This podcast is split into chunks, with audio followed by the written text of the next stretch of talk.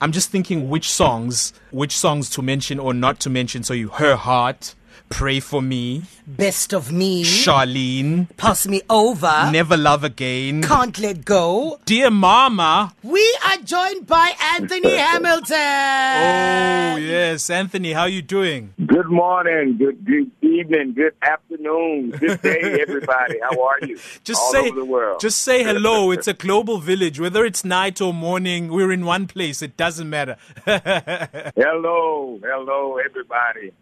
How are you guys? We're great, thanks, Anthony. This is Sia, Sal Beyonce, and the Ukozi FM listener who is so excited. So you can greet them personally, especially since you're not going to be able to come for the Women's Day celebration like you normally do every year.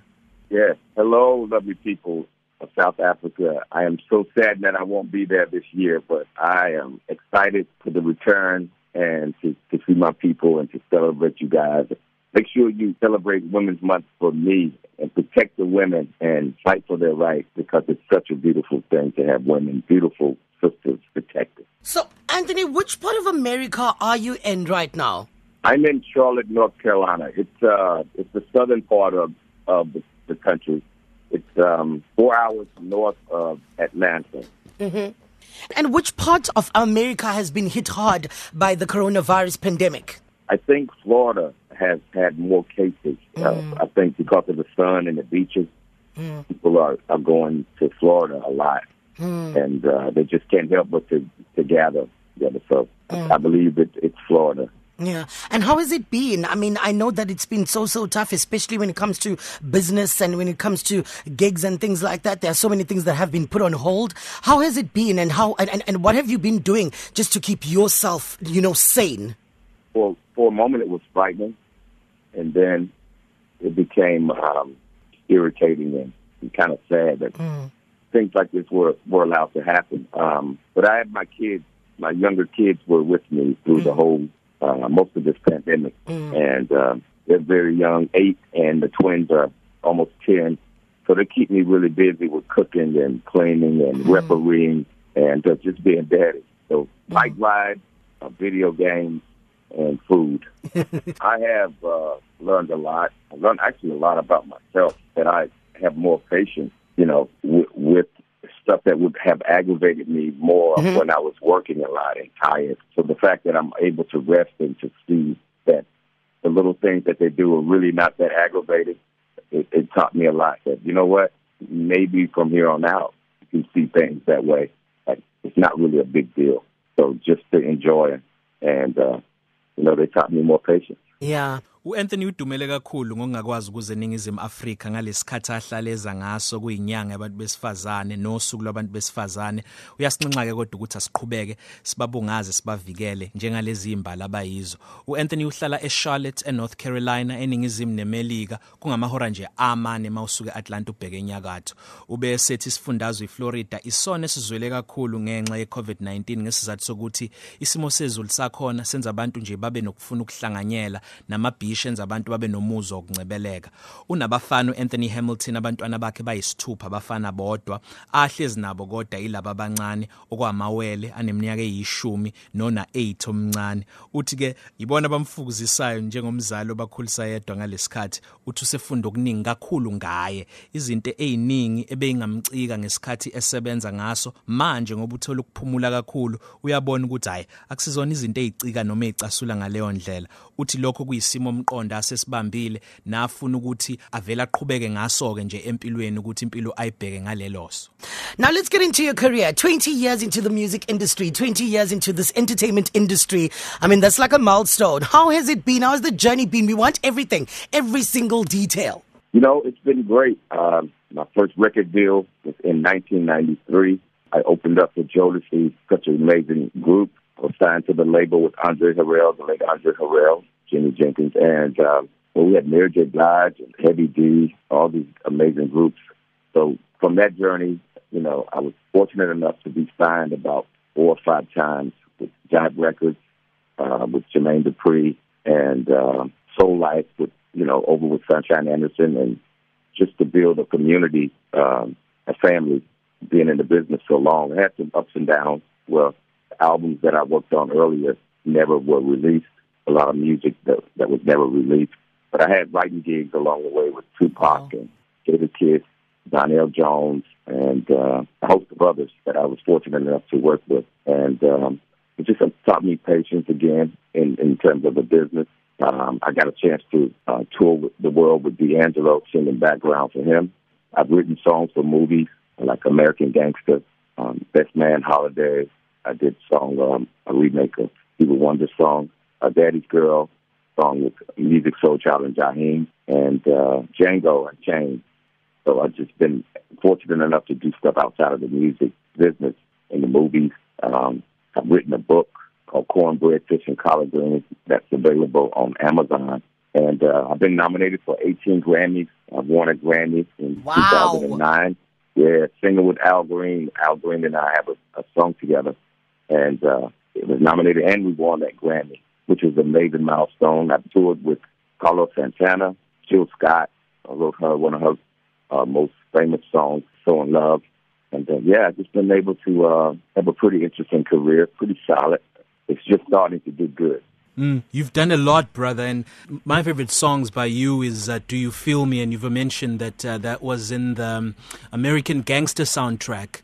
That was just awesome, and, and it's very difficult yeah. to find that song, by the way. Anyway, moving on, a lot of people who sing about love, you know, it will be about breakups. Your synopsis is more you pay respect to women whether it's Dear Mama or Charlene, a relationship you're in or a relationship you're out of, it's filled with regret, maybe after something that you feel like you have done and, and you are saying, I'm sorry, and, and beautifying and adorning. Why specifically this angle or this synopsis when you sing about love in your sort of soulful, neo soulful style of music? I think being vulnerable and being honest so important when it comes to music because not only did I go through it or I felt this way, somebody else is feeling that way, and that maybe, maybe they don't have the words to say. They don't know how to apologize, or they don't know how to say "I love you," or they don't know how to, you know, speak what they're feeling. So I think writing writing those songs for not only myself but for people is very important, and uh, it tend to be where where I feel like I'm strongest in terms of expressing myself. Uh, writing is is stronger for me. And uh, sometimes I, I may hold back my words in speaking, but I, I write it and it comes out beautifully. Mm. Speaking about women and music, this August, which is now every single August, in fact, on the 9th of August, uh, month of August here in South Africa, we celebrate Women's Month and we are celebrating them as we have Women's Day on the 9th, right? Like I said, what has been the contribution from the women in your life throughout your music journey up until thus far? I mean, from your mum, your siblings, the lover of your life, etc. Well, my mother birthed me, and uh, with those genes and, and cells that was created uh, Anthony Hamilton from her and my, and my dad, which my dad is actually a pretty good singer as well. You know, they supported my dream by allowing me the freedom to do it and express myself. Made sure I was in music class when I was younger. And as I got older, they saw that I was really serious. You know, they encouraged it. Um, and then I had, I've had girlfriends in my life that saw the talent that I had and really supported it and said, you're to be good. You're to be great. Just keep it up back when I was singing um, Bobby Brown songs. And then as I got older, I, you know, found someone I fell in love. I got married. I was married 10 years and, you know, we created a family and had three beautiful kids. I'm a father of six. You know, Whoa. these women have always been really strong. Yeah, six sons. These women have been really strong pillars in my life and, you know, supported me, not only being a good mother where I could um, go off and go hunt and bring food home, but prayer and uh, just being there for me all the way around. So I'm forever grateful. What values do you teach them in, in the world where there's a lot of gender based violence, femicide, disrespect of males to women? And how do you feel when you start seeing them practice the values and the principles that honor women that you teach? That's first and foremost. Um, you, you respect God and you respect your mother. And anyone that looks like your mother, any woman, in your life and outside of your life. You respect them and you protect them. Uh, you, you be kind, generous, gentle. You know, they're flowers. You have to make sure you water them properly. I tell them to love. You know, you have to love and and uh, be respectful at all times. I think when you have a great mother and um, great aunts and nieces in your life and cousins, female cousins, I think you start to see like, wow, these are beautiful people and they really mm. mean a lot to my life. With all the violence in the world, I, I expect it even more. You know, it's unfortunate that gender-based violence is so rampant. It, there should be something done about it. I think it shouldn't be taken lightly. Ekusebenzeni kwakhe kulemboni yomculo Anthony Hamilton waqala ngo1993 wasebenza nabantu abafana no Jodeci eh kwisitebela esene kuso kwakhona Mary J Blige no Heavy D kanti waba nenkontileka ende yayilokilulwa eJive Records la ayesebenza khona no Jermaine Dupri ushilo wathi kube khona amaginqi ginqi ikhawu la khona kunyukela kodwa futhi kuphinde kube nezinselelo khona. Uthi njengoba ukuthi nje kwakhona umculo awukhipha wagcina ungaphumanga. Kodwa wakwazi ukuphinda buyela wasebenza nabantu abakhulu abafana no Tupac, Jadakiss, Donell Jones kanye nabanye. Kwathiwa kuhanjelwa amathoza ama concert eh, uthi ke wayecula engemuva i backing vocalist ka D'Angelo wenzile amanye amathozi no Jill Scott, Carlos Santana nabanye abaningi eh waculela ama movie afana no American Gangster no Best Man Holiday. Unencwadi osihloko sayo sithi Cornbread Fish and Collard Greens eh, kanti unama nominations ama Grammys awu 18 la khona eyodwa useke wayiwina. Ngomculo wakhe uthe ukholelwa ekulukhulumeni iqiniso uma ecula abveza ubuhlungu nobuthakathaka benhliziyo. Wathi okunye kungebe nje ukuthi uyena odlule kuleso simo kodwa mhlambe womunye ongakwazi ukuthi aphimsele ngokukhuluma kodwa umelalela umculo uyayizwa ngempela lento Anthony acula ngayo ukuthi nayo ke wadlula kuyona. Uthe kwabesifazane empilweni yakhe ababe neqhaza ubaluma wakhe eh, owamzala wamkhulisa ngothando wamseka futhi ngisho nakwisiphiwo sakhe sokucula wathi ke nabanye athandane nabo ngisho nanonkosikazi wakhe eh, ngebhada sebahlukana owayekade emthanda emsekela emthandazela evala isikhala ekhaya uma uAnthony engekho. uAnthony ubesethe izinto noma izimiso akhulisa ngazo abafana bakhe ukuthi hlonipha uNkulunkulu hlonipha uma wakho nabanye besifazane ngoba nabo bangabazali kuwe. Ngisho nabanye ke abesifazane nje nabancane abakuzungezile okungenzeka bayihlobo noma bazona. Uthi banesihe ibanobuvi banobubele bathande what is it anthony with your love for the continent of africa i mean we'll come to the song that you've recently done with amanda black vuma but what is it that makes you go beyond the normal of saying I've come to the motherland. I feel like I've found myself. You're relentless. You, it, it almost feels like there's a part of you that stays here. It's just a just a strong heritage in the, all my melanated brothers and sisters who look like me, who are proud and who are powerful and beautiful and creative.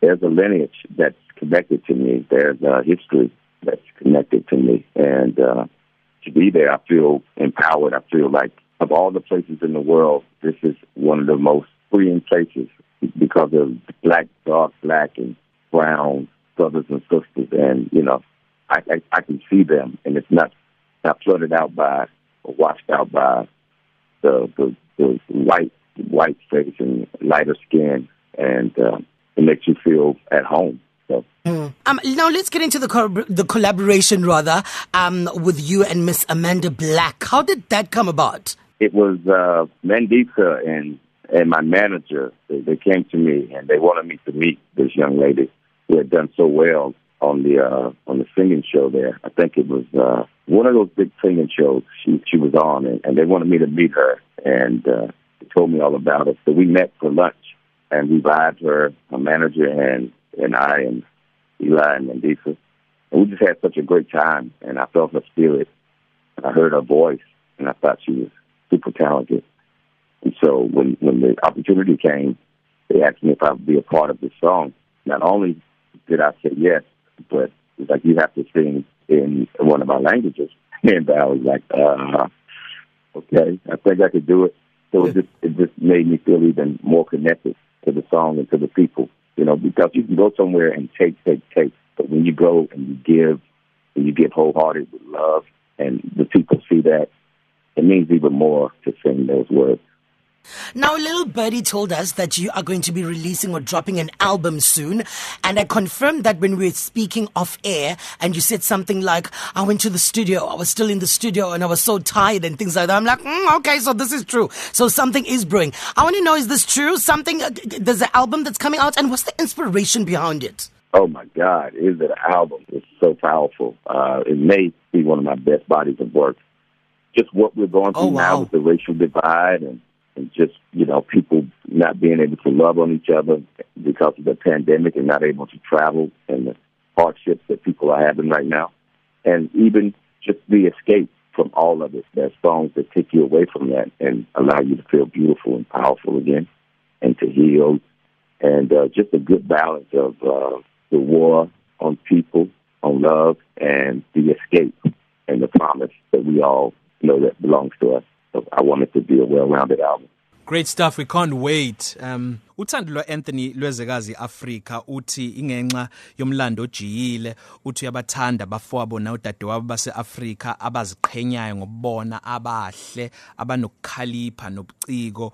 Uthi yila zizwa khona nenkululeko yeqiniso zizwe esekhaya. Kanti ngokusebenza kwakhe noAmanda Black uthi bahlangana badla isidlo sasemini behlanganiswa umanager kaAnthony Hamilton. Uthi wawuthanda umoya kaAmanda umoya wabo wavela wahlangana kanti nezwi lakhe walithanda kakhulu. Uthi Anthony Hamilton album yakhe entsha ayiphekayo njengamanje ukholelwa ukuthi iwona umsebenzi wakhe ohamba phambili uthi iphethe umuzwa wokuthula nethemba. Nokuzizwa nje mhlawumbe ungenabo lobhlungu obubusibekele njengamanje kulesi sikhathi esinzima kangaka. We're about to say goodbye, Anthony, but you tell me, as a as a father taking care of, of six sons during COVID nineteen, not gigging as much as you would have, what keeps you going? And and maybe can you just impart that and extend it to the people listening right now? Because we, we we're clutching at straws for hope as the world right now.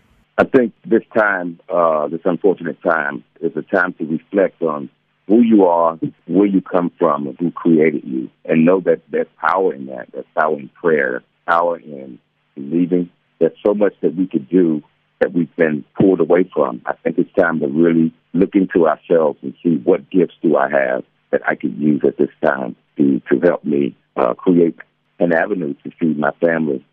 What kind gesture can I do for someone else that may not have what I have to help them along the way, and to just check on family and uh, to know that this is just a temporary thing.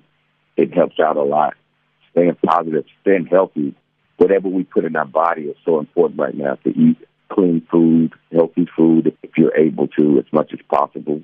Uh, clean water, um, meditation, and just to know that God will not leave us in this situation for long. There's a plan that's brewing up, and I'm sure He has it all figured out. In the meantime, stay positive, stay safe, keep your mask on, follow the rules, the law of the land, and um, just continue to believe that it's going to get better and to lead with love is so important. ithemba sishiya nalo Anthony Hamilton elokuthi asibuyekeze. Buyekeza ukuthi ungubani uphumaphi udalwe ngubani. Uthi asazi ukuthi kunamandla amakhulu kulokho. Uthi kunamandla amakhulu emthandazweni. Sibuza ukuthi unaziphi iphiwo namakhono ongawasebenzisa manje ukuzama ukuqhumisa isiphethu esisoletha umnotho ngenye indlela? Eziphi iphiwo zikamoya ongakhonza ngazo abanye? Anthony uthi xhumana nomndeni wazise. Idla ukudla okunempilo neziphuzo ezinempilo cabanga uzindle ngokuhle wazi ukuthi inkosi ayisishile njengamanje kulesimo esibhekene naso kungekudala uzosikhulula. Likhona icebo lakhe elihle. Oh, thank you so, so much, Anthony. So, when you decide to come back home and when you, you decide to come back to South Africa once this pandemic is all over, all you Yeah. need to know is, baby, I'll be sitting waiting on you to come home again. I won't leave. Promise I'll be here till the very end. by your side to protect you and to love you and to be you for life. I'm coming on home again. Thank you. That was nice. I appreciate it. Thank you so much, Anthony. That was absolutely fantastic. Now, where do we find you on social media? My Instagram is Anthony Hamilton Official, and it's only one. It's only one Anthony Hamilton Official. My Twitter is Hamilton Anthony, and my Facebook is Anthony Hamilton Music, and uh, I, I will respond. I'm a little slow at times, but I do respond back. So follow me, Anthony Hamilton Official, and uh, yeah, check out what I'm doing and uh, say hello to me. Thank you so much, Anthony. We wish you nothing but the best, mm. and we cannot wait for that album. Thank you so much. I really appreciate it. And, and tell Natando I said uh, I appreciate her poem. It was very beautiful. Oh, man. Thank you. Thank you so much. We'll talk again next time. Bye bye. Bye bye.